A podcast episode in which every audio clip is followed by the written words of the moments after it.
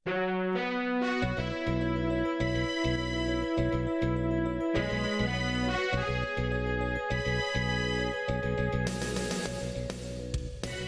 is Radio Free Asia. The following program is in Burmese. ။မင်္ဂလာညချမ်းပါခင်ဗျာ။လွတ်လပ်တဲ့အာရှတန် RFA ရဲ့2024ခုနှစ် ဖေဖော်ဝါရီလ18ရက်စနေနေ့ညအစီအစဉ်တွေကိုအမေရိကန်ပြည်ထောင်စုဝါရှင်တန် DC မြို့တော်ကနေစတင်ထုတ်လွှင့်နေပါပြီ။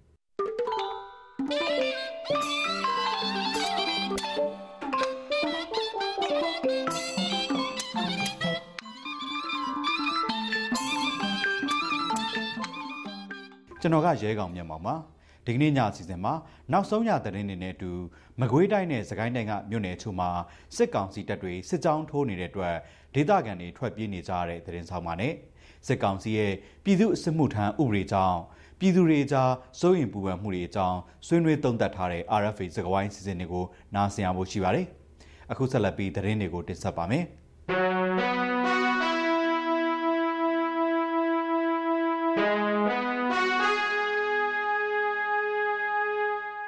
စစ်တပ်ကနေအငိမ့်စားယူထားသူတွေကိုပြန်လည်စစ်မှုထမ်းခိုင်းမဲ့အရန်တပ်ဖွဲ့ဥပဒေကိုလက်တွေ့အကောင့်ထဲပေါ်ဖို့အရန်တပ်ဖွဲ့ဝင်စင့်ခေါ်ရေးဗဟိုအဖွဲ့ကိုစစ်ကောင်စီကဖေဖော်ဝါရီလ16ရက်မှာဖွဲ့စည်းလိုက်ပါတယ်စစ်ကောင်စီရဲ့ကြီးရည်လေးညှိနှိုင်းကွက်ကဲရေးမှုဗိုလ်ချုပ်ကြီးမောင်မောင်အေးကဥက္ကဋ္ဌအဖြစ်တာဝန်ယူပြီး ကြီးရည်လေးစစ်ဦးစီးအရာရှိချုပ်တွေအပါအဝင်စစ်ကောင်စီတပ်အရာရှိ73ဦးနဲ့ဖွဲ့စည်းလိုက်တာပါအရန်တပ်ဖွဲ့ဥပဒေစတင်အသက်ဝင်တယ်လို့ဖေဖော်ဝါရီလ23ရက်နေ့မှာစတင်ကြေညာခဲ့ပြီး3ရက်အကြာမှာပဲအရန်တပ်ဖွဲ့ဝင်စင့်ခေါ်ရေးဗဟိုအဖွဲ့ကိုစစ်ကောင်စီကဖွဲ့စည်းလိုက်တာဖြစ်ပါတယ်အရန်တပ်ဖွဲ့ဥပဒေအရစစ်မှုထမ်းတအူဟာနှုတ်ထွက်ခွင့်ဒါမှမဟုတ်အငိမ့်စားယူခွင့်ရရှိတဲ့နေ့ကနေ9နှစ်ထိအရန်တပ်ဖွဲ့မှာစစ်မှုထမ်းဆောင်မှုတာဝန်ရှိနေတာဖြစ်ပါတယ်။ ဒါအပြင်အရက်သားတွေကိုလည်းစစ်မှုထမ်းဆင့်ခေါ်ဖို့ပြည်သူ့စစ်မှုထမ်းဥပဒေကိုဖေဖော်ဝါရီလ10ရက်မှာအသက်သွင်းခဲ့တာဖြစ်ပါတယ်။ရခိုင်ပြည်နယ်မင်းပြားမြို့အခြေဆိုင်စစ်ကောင်စီတပ်စစ်စင်ရေးကုကဲမှုဌာနချုပ်စကခကိုလက်အောက်ခံနီးဗျူဟာနှစ်က ချင်းမြန်တိုက်ရင်ခမရ309ခမရ383ညခမရ941တို့ကိုသိမ်းယူပြီးတဲ့နောက်ရရှိခဲ့တဲ့လက်နက်ခဲယမ်းတွေကိုရခိုင်တပ်တော် AA ကထုတ်ပြန်လိုက်ပါတယ်ဇန်နဝါရီလ28ရက်နေ့ကခမရ383ညကို AA ကသိမ်းယူခဲ့ပြီးခမရ309နဲ့941တပ်ရင်းတွေကိုလည်းဖေဖော်ဝါရီလ6ရက်မှာသိမ်းယူနိုင်ခဲ့တာဖြစ်ပါတယ်။လက်ရှိမှာချင်းပြည်နယ်ပလက်ဝမြို့နယ်ရခိုင်ပြည်နယ်ပေါက်တော် ကြောက်တော်မင်းပြားမြောက်ဦးမြေပုံမြို့တွေကိုအေအေကအသိမ်းယူထားပါတယ်။ဒီတော့တွင်မှာတောင်ကုန်းမြို့နယ်မအီမြို့အတွင်းမှာရှိတဲ့မအီချောင်းကူးသရာနဲ့ကြောက်ကြီးပေါက်သရာတွေကိုဖေဖော်ဝါရီလ16ရက်နေ့ညပိုင်းမှာမိုင်းခွဲဖျက်ဆီးခံလိုက်ရတယ်လို့ဒေသခံတွေက RFA ကိုပြောပါတယ်။မအီချောင်းကူးသရာဟာမအီမြို့နယ်အမ်းမြို့နယ်တွေကိုဆက်သွယ်ထားတဲ့သရာဖြစ်ပြီးကြောက်ကြီးပေါက်သရာကတော့မအီမြို့နယ်ကြောက်ဖြူမြို့တို့ကိုဆက်သွယ်ထားတဲ့သရာဖြစ်ပါတယ်။စစ်ကောင်စီတပ်ကမအီမြို့ကနေကြောက်ဖြူဘက်ကိုဆုတ်ခွာတဲ့အချိန်မှာသရာနှစ်စင်းလုံးကိုဖျက်ဆီးခဲ့တာလို့ဒေသခံတို့ကပြောပါတယ်။စကိုင်းတိုင်းမုံရွာမြို့နယ်ညောင်ပင်ရွာမအခြေရွာတွေကိုဖေဖော်ဝါရီလ18ရက်နေ့လယ်ပိုင်းကလက်နက်ကြီးကြီး6လုံးကြားရောက်ပောက်ကွဲခဲ့တာကြောင့်အရက်သား2ဦးဒဏ်ရာရခဲ့တယ်လို့ဒေသခံတွေကပြောပါတယ်။အမျိုးသား2ဦးနဲ့အမျိုးသမီး2ဦးတို့ထိခိုက်ဒဏ်ရာရခဲ့ကြပြီးညောင်ပင်ရွာတစ်ကဒေသခံချို့လည်းကြောက်လန့်ပြီးထွက်ပြေးနေကြရတယ်လို့ဒေသခံတွေကပြောပါတယ်။ထိခိုက်ဒဏ်ရာရသူတွေရဲ့အမည်တွေကိုတော့မသိရသေးဘူးလို့သူကပြောပါတယ်။ဒီလက်နက်ကြီးကြီးတွေကိုမုံရွာမြို့အရှိချမ်းစစ်ကောင်စီရဲ့ကြောက်စစ်ပုံအမြောက်တပ်ကလှမ်းပစ်ခဲ့တာလို့ဒေသခံတွေကပြောပါတယ်ဒီကိစ္စနဲ့ပတ်သက်လို့စစ်ကောင်စီရဲ့သခိုင်းတိုင်းပြောခွင့်ရသူတိုင်းရင်းသားရေးရာဝန်ကြီးဦးဆိုင်နိုင်နိုင်ကျော်ကိုဆက်သွယ်မြင်မြန်ခဲ့ရမှာလုံခြုံရေးကိစ္စတွေကိုသူမသိဘူးလို့ပြောပါတယ်ဖေဖော်ဝါရီလ12ရက်နေ့ကလည်းမုံရွာမြို့နယ်ထနောင်းတော်တောင်ရွာမှာလက်နက်ကြီးကြီးကြားရောက်ပောက်ကွဲခဲ့တာကြောင့်ဒေသခံ၄ဦးသေဆုံးပြီး9ဦးဒဏ်ရာရခဲ့တယ်လို့ဒေသခံတွေကပြောပါတယ်ခင်ဗျာ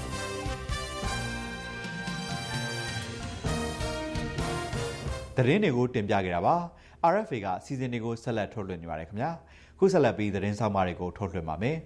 မကွေးတိုင်းဂံကောမြို့နယ်စကိုင်းတိုင်းရေဦးမြို့နယ်နဲ့ရွှေဘိုမြို့နယ်တွေမှာစစ်ကောင်စီတပ်တွေအင်အားလုံးရဲနဲ့စစ်ကြောင်းထိုးနေတာကြောင့်ဖေဖော်ဝါရီလ18ရက်မှာအရက်သား2000ကျော်လောက်အိုးအိမ်ဆုတ်ခွာပြီးထွက်ပြေးနေကြပါတယ်။ဒါအပြင်စစ်ကောင်စီတပ်သားတွေကအယက်သား80တဲ့မနေ့ကိုလည်းဖမ်းဆီးထားတယ်လို့ဒေသခံတွေကပြောကြပါဗျ။ဒီအကြောင်းကိုကိုကြီးကတင်ပြပေးပါမယ်။ မကွေးတိုင်းကံကောမြို့နယ်၊စကိုင်းတိုင်းရေဦးမြို့နယ်အနောက်ချမ်းနဲ့ရွှေဦးမြို့နယ်အတွင်းကကြေးရွာတွေကိုအင်အားတရာကျော်ပါတဲ့စစ်ကြောင်း၃ကြောင်းကတပြိုင်တည်းထိုးစစ်ဆင်နေပါတယ်။ဒီစစ်ကြောင်းတွေကြောင့်ဖေဖော်ဝါရီလ19ရက်မှာအရသား2000ကျော်အိုးအိမ်စွန့်ခွာထွက်ပြေးနေရတယ်လို့ဒေသခံတွေကပြောပါတယ်။ကံကောမြို့နယ်စမ်းမြို့ရွာကိုဖေဖော်ဝါရီလ16ရက်မှာစတင်စစ်ကြောင်းထိုးခဲ့တာကြောင့်စမ်းမြို့ရွာအပါအဝင်ရွှေဘိုရွာတင်တော်ရွာတွေကဒေသခံတထောင်နီးပါးထွက်ပြေးနေရတယ်လို့ စစ်ပေးဒုက္ခသည်တဦးကပြောပါတယ်။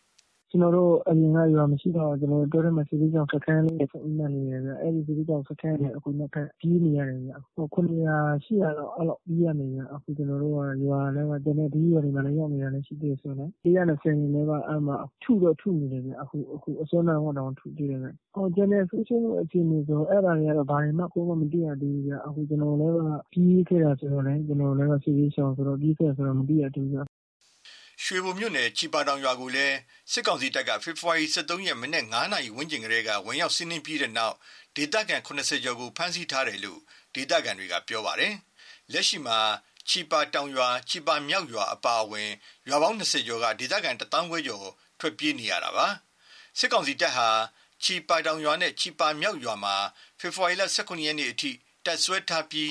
ဖမ်းဆီးခံထားရသူတွေလည်း ပြန်လွတ်မလာသေးဘူးလို့ ဒေသခံ ကိုဦးဩက ပြောပါတယ်။ အစောကြီးဝင်လာတာ ဝင်လာတွေကဝိုင်းမိသွားတာလေအဲ့ဒါဟိုပေါ့လူရဲ့80လောက်ရှိတယ် အဲ့ဒါတွေက အခုချိန်ထိ သူတို့ကိုလှုပ်လည်းမပေးသေးဘူး အဲ့ဒီရွာမှာလည်းတက်ဆွဲထားတယ် ဘာမှ သတင်းကလည်း တိကျသေးသေးကွယ်မသိရဘူးခုချိန်ထိ အဲ့မှာ ရှိနေပြီလေ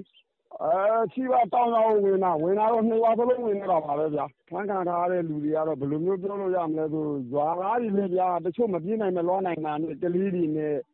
မယုံကြည်မယုံတာပေါ့ စစ်ကြောင်းလာတာကို မယုံတာပေါ့အဲ့လိုမယုံတဲ့လူတွေတော့ မိသွားတယ်ဆိုတော့ အလားတူရေဦးမြို့နယ်အနောက်ချမ်းကိုလည်းစစ်ကောင်စီတပ်ဖေဖော်ဝါရီလ15ရက်ကစလို့ဖေဖော်ဝါရီလ18ရက်နေ့အထိရွာတွေကိုဝင်ရောက်စီးနင်းနေပါတယ်။ဒါကြောင့်ရွာ20နီးပါးက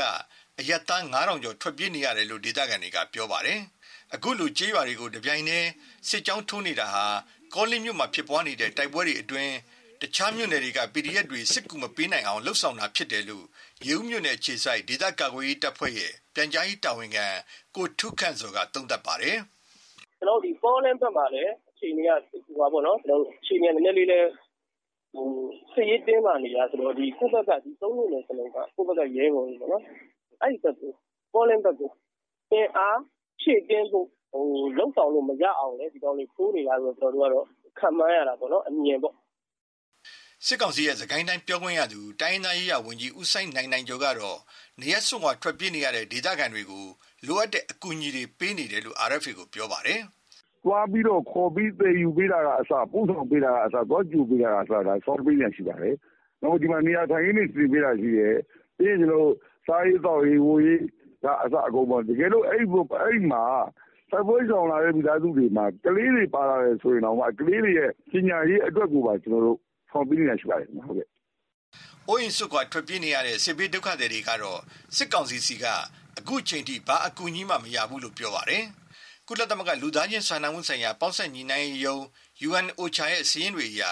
စစ်တပ်ကအာဏာသိမ်းပြီးနောက်နိုင်ငံတော်ဝန်မှာစစ်ဘေးဒုက္ခသည်1.6တန်းကျော်ရှိလာနေပါတယ်။ကျွန်တော်ကတော့ကိုကြည်ပါဒီသတင်းကို American ပြည်ထောင်စု Washington DC မှာရှိတဲ့ RFA ရုံးချုပ်ကနေတင်ပြပေးခဲ့တာဖြစ်ပါတယ်ခင်ဗျာ။။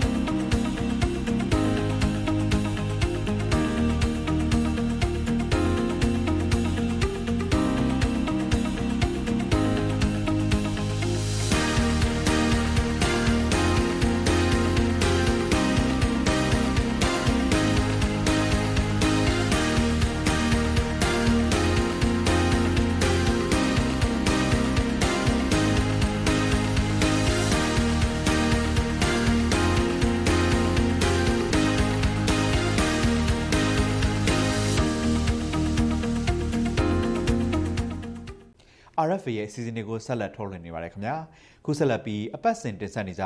RFA စကဝိုင်းအစီအစဉ်ကိုထုတ်လွှင့်ပါမယ်ဒီတစ်ပတ် RFA စကဝိုင်းအစီအစဉ်မှာ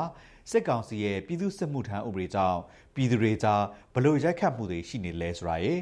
စစ်မှုထမ်းရမယ့်အသက်အရွယ်အတွင်းဘောင်ဝင်နေသူလူငယ်တွေနဲ့သူတို့ရဲ့မိဘတွေဘလို့စဉ်းစားစီစဉ်နေကြလဲဆိုတာရယ်ဒီဥပဒေကြောင့်ဘာတွေဖြစ်လာနိုင်လဲဆိုတာဒီကိုဆွေးနွေးကြမှာဖြစ်ပါတယ်မက်ခတ်မာကစီစဉ်တင်ဆက်ထားပါတယ်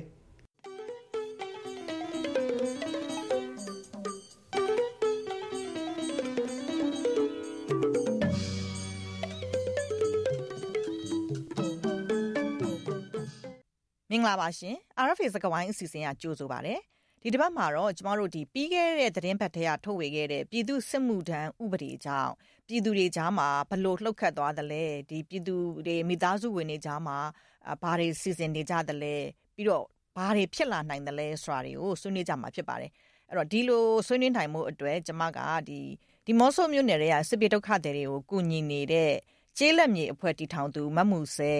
ပြီးတော့ဒီစစ်မှုထမ်းရမယ့်အသက်အရွယ်သားသမီးတွေရှိတဲ့မိခင်တူဖြစ်တဲ့ဒေါ်ဟေမန်ပြီးတော့ဒီစစ်မှုထမ်းရမယ့်အသက်အရွယ်အတွင်းမှာရှိနေတဲ့တက္ကသိုလ်ကျောင်းသားတူဖြစ်တဲ့ကိုအောင်ကိုကိုနဲ့အထွေထွေတပိတ်ကော်မတီကကိုအောင်ဖုံးမော်တို့ကိုဖိတ်ခေါ်ထားပါတယ်အားလုံးပဲမင်္ဂလာပါရှင်ကျမမတ်မှုဆဲကိုဒီကင်းနီပြည်နယ်အတွင်းမှာရှိတဲ့ပြည်သူတွေကြားမှာဒီဥပဒေကြောင့် အဲဘလို့တွေဖြစ်နေသလဲဘလို့တွေပြောကြဆိုကြဆွေးနွေးကြပြီးတော့အဲဘာတွေစီစဉ်နေကြသလဲဆိုတာလေးအရင်ဆွေးနွေးပေးစီချင်ပါတယ်ရှင်ဟုတ်ကဲ့ရှင်အားလုံးပဲမင်္ဂလာပါရှင်အခုလက်တလော community မှာတော့ပထမဆုံးပေါ့နော်ဒီဥပဒေတင်ညာလိုက်တာနဲ့မိဘတွေအရင်ဆုံးစိတ်ပူတာမိဘတွေစိတ်ပူတယ်ဘာဖြစ်လို့လဲဆိုလို့ရှိရင်ဒီ community မှာအဲတချို့တော့ပညာသင်တဲ့အရွယ်တွေက ဒီကရီနီရဲ့ပြည်ပတွေမှာပေါ့နော်ဒီတခြားမြန်မာနိုင်ငံတွင်းကတခြားနေရာတွေမှာသွားရောက်ပြီးတော့မှပညာသင်ကြားတဲ့သူတွေရှိတယ်ပထမဆုံးပေါ့နော်မိဘတွေကစိတ်ပူတယ်စိတ်ပူတော့သားသမီးတွေကိုဒီပြန်ခေါ်ကြတယ်ပေါ့နော်ညာတီးတီးကနေပြန်ခေါ်ကြဖို့လှုပ်ဆောင်ကြတယ်ပြီးတော့မှဒီကလေးတွေကြတော့လေသူတို့ကဒီပညာရေးကိုပေါ့နော်အကြာကြီးပေါ့လေအဲရက်တက်လိုက်ရတဲ့ခါမှာဒီပညာရေးကိုဆက်လက်ပြီးတော့မှသင်ကြားချင်တယ်တိုးတော်လည်းပဲဒီပြိုင်ထဲမှာဘာဖြစ်လဲဆိုလို့ရှိရင် သူတို့နေနေဆိုလို့ရှိရင်လည်းသူတို့ဖမ်းဒီလိုမျိုးပေါ့နော်ဒီခေါ်ဆောင်ပြီးတော့မှခံရမှလည်းသူတို့စိုးရင်တယ်ဒီ process အတိုင်းဒီအစဉ် season တကြမသွားဘဲနဲ့အခုသူတို့ထုတ်ပြန်လိုက်တယ်အခုခေါ်သွားတဲ့ဟာမျိုးပေါ့နော်လောက်သွားမှသူတို့အရန်စိတ်ပူတယ်သူတို့တည်င်းတွေကြားနေရတာကဒီအကြောင်းတွေနဲ့အဆောင်တွေမှာဆိုလို့ရှိရင်စည်ရင်ရတာလွယ်တယ်မြန်တယ် ဒါကြောင့်မို့ကလေးတွေကသွားရမလားလာရမလားဆိုတဲ့ဟာမျိုးကိုသူတို့အရန်စိတ်ပူတယ်နောက်တစ်ကြောင်ကလေးတွေကသူတို့ပညာရေးအတွက်သူတို့ဘယ်လိုဆက်သွားမလဲသူတို့တက်မွေးဝမ်းကြောင်းအတွက်သူတို့ဘယ်လိုဘယ်လိုဆက်သွားမလဲဒီစစ်အာဏာရှင်လက်အောက်မှာပဲသူတို့ကတည်ရတော့မှလားဆိုတဲ့စိတ်ပူမှုမျိုးတွေအများကြီးရှိတယ်ဗောနော်အခုအထူးသဖြင့်ကရီနီပြည်နယ်ကနစ်လက်ကနာနိုင်နေပထမဆုံးပြစ်မှတ်ထားခံရတဲ့လူငယ်တွေဖြစ်တယ်အဲ့ဒီအတွက်ကြောင့်လို့သူတို့မှာ ဟိုပိတ်နေလို့ဖြစ်နေတယ်ဆုပ်လဲစူစားလဲယူသွားချစ်တိုးရမလို့နောက်ဆုပ်ရမလို့နေပဲနေရမလို့သွားပဲသွားရမလို့တော့ထသွားလို့ရှိရင်လေလမ်းမှာသစုံတရာဖြစ်မှာစိုးရမျိုးပေါ့နော်အဲ့လိုမျိုးရှိတော့ကျမတို့တွေဒီလူခွင့်ရေးဒီကုညီစောက်ရှောက်တဲ့သူတွေလူခွင့်ရေးတက်ကြွလှုပ်ရှားသူတွေဒါကာလပေါ့နော်အစိုးရဒီ NUG တို့ဒီဂရနီတာဘေခန်ကောင်စီတို့ဂျာကာလာအစိုးရအဖွဲ့တွေပေါ့နော်ဒါတွေနဲ့လည်းကျမတို့အမြန်ဆုံးပေါ့နော်ဒီကိစ္စကိုဘယ်လိုလုပ်ရမလဲဆိုတာကို ဟိုပေါ့နော်ပြီးတော့အမြန်မြန်ဆက်ဆံလေးပေါ့နော်ဟိုလူငယ်တွေကိုယူနိုင်ပွင့်ရန်အတွက်စီစဉ်ရမှာဖြစ်ပါတယ်ဟုတ်ကဲ့ဟုတ်ကဲ့ပါရှင်ကျေးဇူးတင်ပါတယ်အဲ့တော့ကိုအောင်ကိုကိုရှင်ဒီကိုအောင်ကိုကရောဒီအဲဒီအမိန့်ကြောင့်အခုကိုကိုတိုင်ကရောဘလို့စီစဉ်ထားလဲဘာဆက်လုပ်မလဲပြီးတော့ကိုတငယ်ချင်းတွေကြားကိုလိုရွယ်တူဘွားတူလူငယ်တွေကြားမှာရောဘာတွေလုပ်ကြမယ်လို့ပြောနေဆိုနေတန်ကြားလဲကိုတငယ်ချင်းချင်းချင်းတွေဘလို့တိုင်ပင်ဖြစ်လဲရှင်ကျွန်တော်တငယ်ချင်းအများစု ကတော့အဲ့လိုကျွန်တော်ကြားနေရတယ်ပေါ့တွေ့ရသူပဲဖြစ်ဖြစ် live မှာတွေ့ရလူပဲဖြစ်ဖြစ်အပြင်မှာတွေ့ရလူပဲဖြစ်ဖြစ်အများစုကတော့နိုင်ငံထုတ်ပဲပြောနေကြတယ်ကျွန်တော်ကိုယ်တိုင်ကလည်းအခုလက်ရှိမှာ passport ကပြီးခဲ့တဲ့လပိုင်းတွင်းမှာ passport ကဟိုကုန်လာတာလက်သက်တမ်းကုန်လာတာဆိုတော့ချက်ချင်းပြန်လုပ်ဖို့ကြတယ်ချိန်ယူအောင်ပါဆိုတော့ဒီ future plan ကတော့ကျွန်တော်တို့မရှိသေးဘူးပေါ့ပြောမှဆိုမရှိသေးဘူးဒါပေမဲ့ကျွန်တော်တကယ်ချင်းနေကြတဲ့မှာတော့အခုမှထပြီးတော့ ဒီကိစ္စဖြစ်တော့မှလို့နိုင်ငံသွားမယ်ဆိုပြီးတော့အများစုကတော့ပြောနေကြတယ်ဒီကျွန်တော်တကယ်ချင်းတယောက်ရှိတယ်သူကဟိုဟာဟိုသတင်းစာတိုင်းမှာလုပ်နေတာအဲသူကြတော့ဘယ်လိုပြောလဲဆိုတော့ငါတို့အမိမိတို့ဟိုဟာတိုက်ပွဲဝင်ကြမယ်ဆိုပြီးတော့လာပြောတယ်အဲ့လိုအဲ့တော့ရွေးမရွေးကျွန်တော်တစ်ဖက်ကိုရွေးရမှာပေါ့အဲ့လို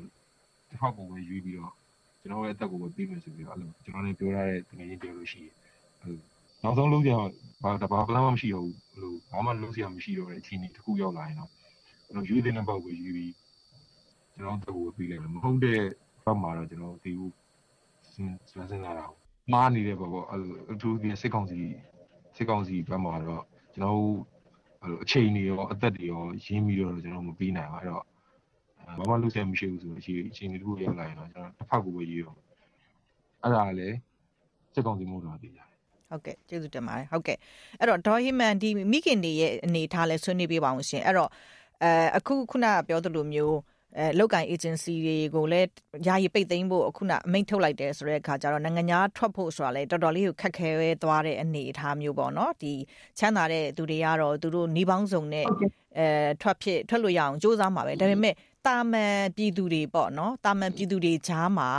အဲသာမန်မိခင်တွေကြားမှာရောကိုကိုတိုင်းဆိုရင်ကိုသားတွေအတွက်ဘလို့စီစဉ်မယ်လို့ဆုံးဖြတ်လဲအဲသူတို့နဲ့ဘလို့တွေပြောဆိုဆွေးနွေးပြလဲနောက်ကိုပတ်ဝန်းကျင်ကမိခင်တွေကရောကိုသားကိုသားသမီးတွေရဲ့အနာဂတ်အတွက်ဘာတွေစီစဉ်နေကြတယ်လို့ကြားမိလဲရှင်။ငါတလောကတော့ကိုကလေးတွေအတွက်ကတော့မိခင်အားလုံးတိုင်ပင်ပြီးတော့နည်းနည်းငွေတက်နိုင်တဲ့လူကတော့နိုင်ငံသားခတ်ဖို့ဆိုတာကိုကြောင်းနဲ့ခတ်ဖို့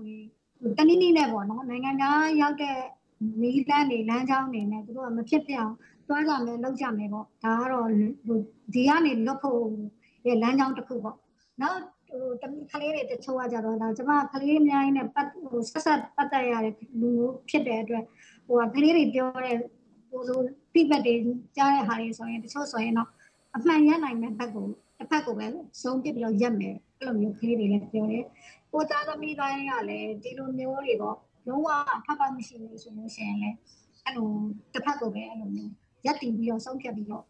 လှုပ်ဆောင်ပါမယ်လို့သူတို့ကလည်းအဲ့လိုမျိုးပြောတာပါဆရာကျမတော့ဘလို့မှမတားတော့မတားဘူးဆိုတာဟိုအရင်ကဖြစ်တဲ့လောက်တဲ့ကိစ္စမျိုးလေအခုလိုအခြေအနေမျိုးဖြစ်လို့သွားတယ်လို့တော့မဟုတ်ဘူးငကိုတွေကဟိုသွားကြလဲသွားလို့သူတို့ခွင့်ပြုပြီးသားပါဆရာကျမကိုယ်တိုင်လည်းတကယ်တမ်းဖြစ်တော့အဲ့လိုဒီတိုင်းနေတာမဟုတ်ဘဲနဲ့ဟိုသွားလို့ရရင်လည်းကျမလည်းသွားမှာကျမလည်းအဲ့လိုမျိုးတွေပေါ့ ကျမစိတ်ကလည်းဆုံးဖြတ်ထားတာနော်ဟုတ်ကဲ့ပါဟုတ်ကဲ့ပါဟုတ်ကဲ့အခုကဲကိုအောင်ဖုံးမော်ဆွေးနွေးဖို့อ่ะပေါ့နော်အခုကြားခဲ့ရတဲ့အတိုင်းပဲဘလို့မှရွေးချယ်လို့မရတော့ဘူးဆိုရင်လူငယ်တွေကဒီတရားတဲ့ဘက်ကိုအဲရက်တီမယ်ဒီအမိန်ကိုလွန်ဆန်စစ်ကောင်စီရဲ့အမိန်ကိုလွန်ဆန်မယ်ပေါ့နော်အခုမိခင်တွေကိုယ်တိုင်ကလည်းနောက်ဆုံးဘလို့မှရွေးချယ်လို့မရရင်သားသမီးတွေကိုခွင့်ပြုပေးမယ်ဖြစ်နိုင်ရင်သူတို့ကိုယ်တိုင်တော့မှတော်လှန်ရေးဘက်ကိုရက်တီမယ်ဆိုတဲ့အနေအထားမျိုးပြောနေတော့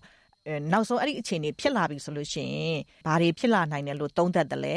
အဲအဲ့လိုမျိုးရက်တည်မဲ့သူတွေကိုဘာတွေများတတိပေးကြလဲရှင်ဟုတ်ကဲ့အာတေချာကတော့ဗောဒီလက်ရှိတိုင်းပြည်ကိုအုပ်ချုပ်နေတဲ့ဒီစစ်အုပ်စုတွေအဖွဲ့အစည်းကဘယ်လိုအဖွဲ့အစည်းလဲဆိုတော့ကျွန်တော်တို့အားလုံးအသိပဲပေါ့ဒီစိတ်ရာဇဝတ်မှုဆိုတာကိုပေါ်ပေါ်တနေကိုကျူးလွန်တယ်ပေါ်ပေါ်တနေကျူးလွန်တယ်ပြီးတော့သူတိုက်နေတဲ့စစ်ပွဲဆိုတာလည်းဘယ်လိုစစ်ပွဲမျိုးလဲဆိုတာကျွန်တော်တို့အားလုံးအသိပဲအဲ့တော့ခုနအားလုံးပြောခဲ့သလိုပဲကျွန်တော်တို့ဒီဒီစစ်အုပ်စုတွေကျွန်တော်တို့အသက်ပေးရမယ်ဆိုတာသူတို့အတွက်အသက်ပေးပြီးတော့အဲ့လိုမျိုးတိုက်ရမယ်ဆိုတာကျွန်တော်တို့ လူဘယ်လူငယ်လူရဲ့အတွက်မဆိုဘလို့မှဒါလက်ခံနိုင်စရာအခြေအနေရှိနေဒီတော့အာလူငယ်လူရွယ်တွေနဲ့အဲ့လိုမျိုးအာဒီလွတ်မြောက်ဒေတာတွေကိုခိုးလုံမှုစ조사ကြတယ်အဲလက်နက်ကင်တော်လိုင်းရေးကိုပူးပေါင်းဖို့ပူးပေါင်းအတွက်အစုံစမ်းကြတယ်ပေါ့ဒီဟာတွေအားလုံးကိုလည်းကျွန်တော်တို့ဒီတော်လိုင်းအင်အားစုတွေဘက်ကနေပြီးတော့လက်ခံရမှာပဲဒီလက်နက်ကင်တော်လိုင်းရေးကိုပူးပေါင်းနေဖြစ်စေမပူးပေါင်းနေဖြစ်စေပေါ့ဒီစစ်အုပ်စုအတွက်မတိုက်ပေးခြင်းဘူးဒီစစ်ကောင်စီအကူမဝင်ခြင်းဘူးဆိုတဲ့အချက်နဲ့တင်အဲခိုးလုံလာတဲ့လူတွေကိုကျွန်တော်တို့က အားလုံးကိုကျွန်တော်တို့ကူညီပေးဖို့လက်ခံပေးဖို့ကျွန်တော်တို့ကလမ်းဖွင့်ထားမှာဖြစ်တယ်ပေါ့အဲဒါပေမဲ့လို့ဒီလိုမျိုးအဲအရာတွေကိုကျွန်တော်တို့အားလုံးတကယ်အဲ့လိုမျိုးအလုံနိုင်တော့ညလဲဒီဟာကအခြေအနေအားလုံးကိုကျွန်တော်တို့အဲ့လိုမျိုးလွှမ်းခြုံနိုင်မှုလူငယ်လူရွယ်တွေအားလုံးကိုကျွန်တော်တို့ခိုးလုံနိုင်အောင်အဲ့လိုမျိုးစီစဉ်နိုင်စီစဉ်ပေးနိုင်ပြီလို့ကျွန်တော်တို့မျှော်လင့်လို့တော့မရဘူး။တေးကြတာတခုကတော့စစ်ကောင်စီကတကယ်သူ့ရဲ့ဒီဥပဒေကိုအဲ့လိုမျိုးအကောင့်ထဲပေါ်ဖို့ဖြစ်နိုင်တဲ့အခြေအနေကိုအဲရောက်သွားပြီအကောင့်ထဲတကယ်ပေါ်ပြီဆိုရင်တော့ တေးကြတယ်ကျွန်တော်တို့တိုင်းပြည်ရဲ့ဒီလူငယ်လူရွယ်စိတ်ပိုင်းတော်တော်များများပြည်သူလူထုအရက်သားပြည်သူလူထုရဲ့စိတ်ပိုင်းတော်တော်များများဟာဒီစစ်ကောင်စီလက်အောက်ကိုအဲ့လိုမျိုးအဲရောက်သွားမယ်ကံကြမ္မာဇိုးအဲ့လိုမျိုးကြုံရနိုင်မယ်ပေါ့အဲ့တော့ကျွန်တော်တို့အနေနဲ့လက်ရှိတော်လိုင်းအင်အားစုတွေရောပြည်သူလူထုတရက်လုံးအနေနဲ့ရောကျွန်တော်တို့အနေနဲ့လက်ရှိအာရုံစိုက်ရမယ်ပထမဦးစားပေးအချက်ကဘာလဲဆိုတော့ကျွန်တော်တို့စစ်ကောင်စီအနေနဲ့လက်ရှိဒီဥပဒေကိုသူအကောင့်နဲ့ပေါ်ဖို့အတွက်အကောင့်နဲ့ပေါ်ဖို့အတွက်မဖြစ်နိုင်သေးခင်မှာမဖြစ်နိုင်သေးခင်ဒီအချိန်ကာလမှာပြီးတော့ လက်ရှိပြည်သူလူထုရဲ့နိုင်ငံရေးရည်ချင်းကလည်းတနည်းတစ်ပုံတက်နေတဲ့အချိန်မှာကျွန်တော်တို့ကစစ်တပ်အလုံးစုံပြိုကျရေးအတွက်စစ်ရေးအရာပေါ့စစ်ရေးရတယ်မကဘဲနဲ့ဒီလူလူတိုက်ပွဲနီးလန်းအရာပေါ့အလုံးစုံကျွန်တော်တို့အာပူးပေါင်းပြီးတော့ဒီစစ်တပ်အလုံးစုံပြိုကျအောင်ကျွန်တော်တို့အာတိုက်ထုတ်ဖို့လိုရပေါ့ဒါကျွန်တော်တို့အတွက်ပထမဦးစားပေးဖြစ်အောင်လို့ကျွန်တော်ထင်ပါတယ်နောက်ဆုံးကျွန်တော်တို့ကျွန်တော်တို့တနက်ထောက်ပြီးတော့ခေါ်သွားတယ်စစ်ကောင်စီအောက်ကိုဝင်လိုက်ရတယ်ဆိုသည့်တိုင်အောင်ကျွန်တော်တို့ကကျွန်တော်တို့ရဲ့လူငယ်လူတွေကကိုယ့်ရဲ့ကိုယ်ပိုင်ယုံကြည်ချက်ကိုယ့်ရဲ့ကိုယ်ပိုင်ခံယူချက် ကိုယ့်ရဲ့အဲ့လိုမျိုးကိုယ်ပိုင်ကိုကျင်တရားသိစိတ်ကိုအဓိကအဲ့ဒီဟာကိုအဲ့လိုမျိုးလက်လွတ်မခံပါနဲ့ပြီးတော့ကိုယ့်ဘောကိုပြဋ္ဌာန်းလာတဲ့ဒီအဲနာခံမှုဆိုတဲ့အရာကိုအမြဲတမ်းကိုယ့်အတွင်းစိတ်ကနေအတွင်းစိတ်ထဲကနေတိုက်ထုတ်ပြပါပယ်ဖြတ်ပြပါဒီလိုမျိုးဆိုရင်ဒီလိုမျိုးဆိုရင်ကျွန်တော်တို့လွတ်မြောက်ဖို့အတွက်လမ်းစာမျိုးတစ်ချိန်ချိန်မှာတစ်ချိန်မဟုတ်တစ်ချိန်မှာမြင်ရပါလိမ့်မယ်လို့အဲ့လိုပဲကျွန်တော်ပြောချင်ပါတယ်ဟုတ်ကဲ့ပါကျေးဇူးတင်ပါတယ်ရှင်ဟုတ်ကဲ့အခုကျမတို့ဒီဒီလိုအခြေအနေမှာပေါ့နော်အမ် ဒီအမိတ်ထွက်လာပြီးတဲ့နောက်ပိုင်းမှာဖြစ်နိုင်ခြေတွေကပထမဦးဆုံးနိုင်ငံလူငယ်တွေနိုင်ငံသားထွက်ကြတာတွေရှိမယ်ပြီးရင်နောက်တောက်တော့ကဒီပြည်သူတော်လှန်ရေးတပ်ဖွဲ့တွေတဲ့နောက်တစ်ခါတိုင်းသားလက်နက်ကိုင်တပ်ဖွဲ့တွေတဲ့ရောက်ကုန်မယ်အဲနောက်ဘလို့မှမတက်နိုင်တဲ့လူเนาะဟို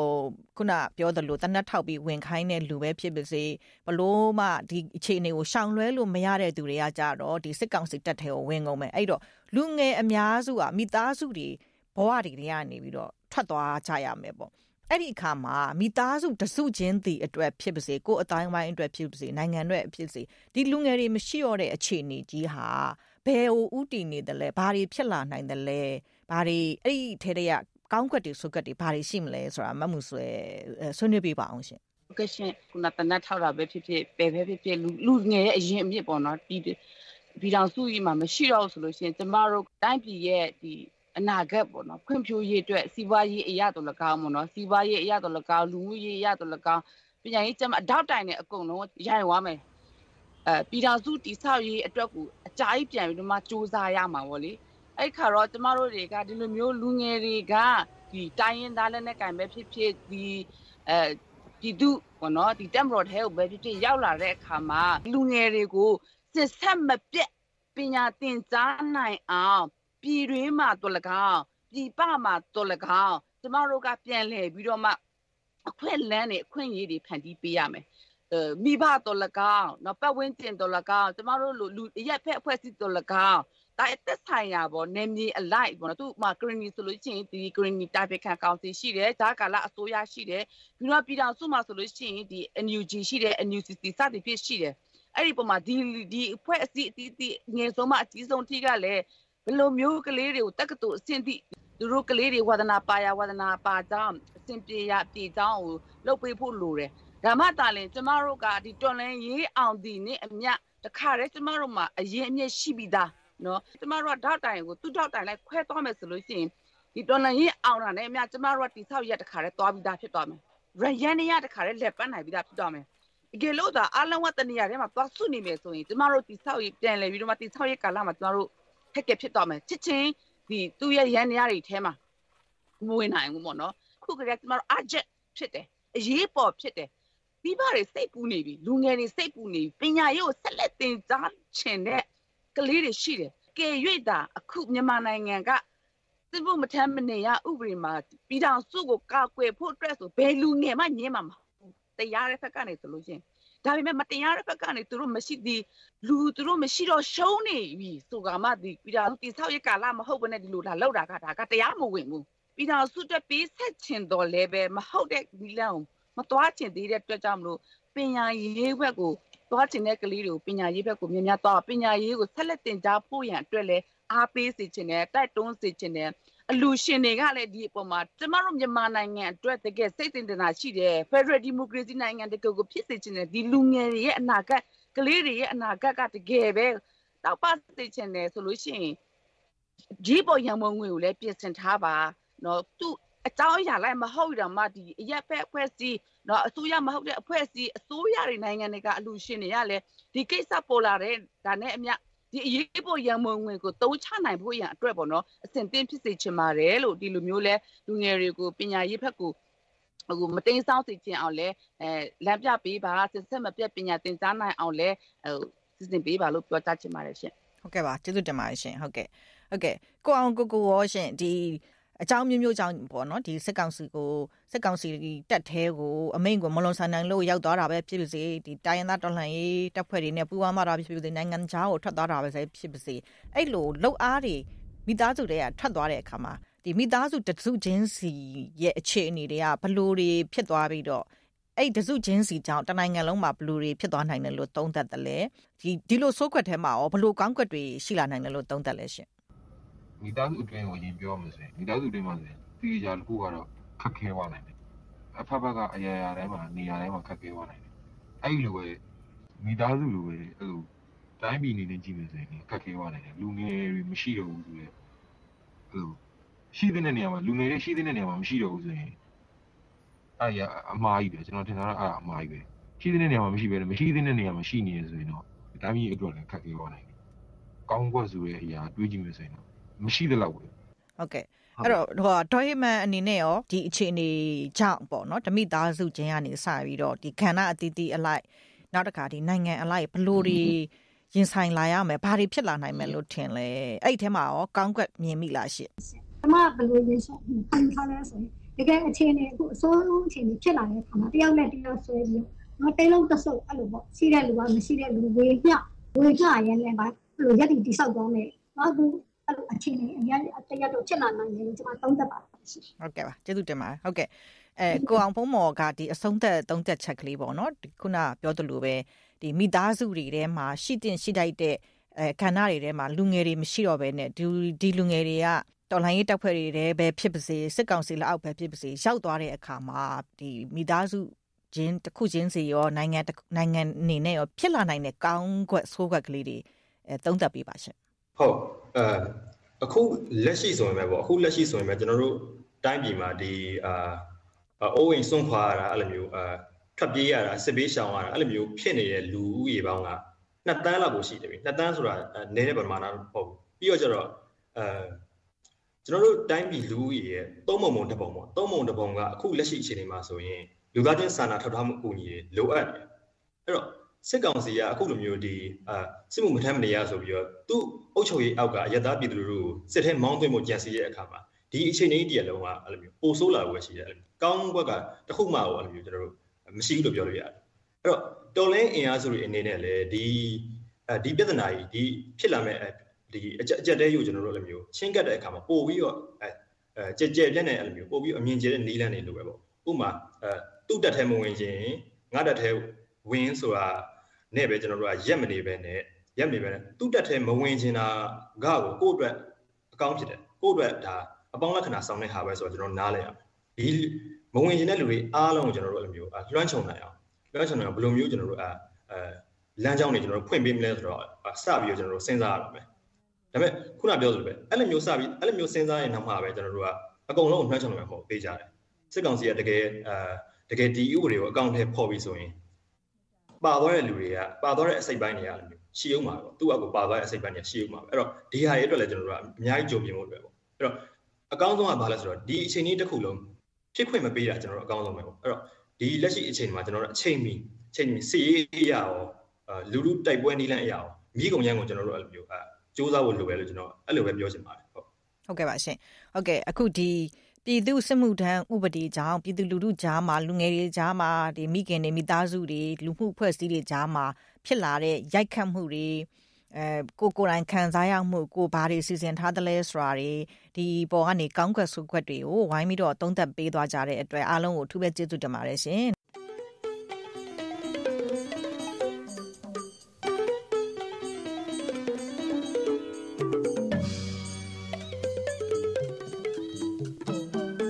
ဒီစီစဉ်နဲ့ပဲစနေကြချမ်းအတန်တွင်းချက်တွေကိုရန်နာခွင့်ပြုပါဒီကနေ့ညစီစဉ်ကိုတာဝန်ခံအေဒါဦးတယောင်ခိုင်ထုတ်လို့ရင်းမှုကိုဂျီရင်းနဲ့တူ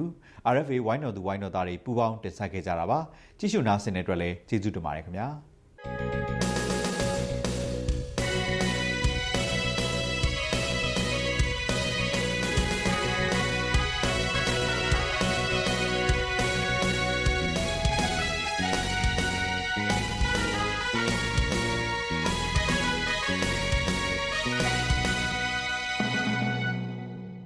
have been listening to Radio Free Asia.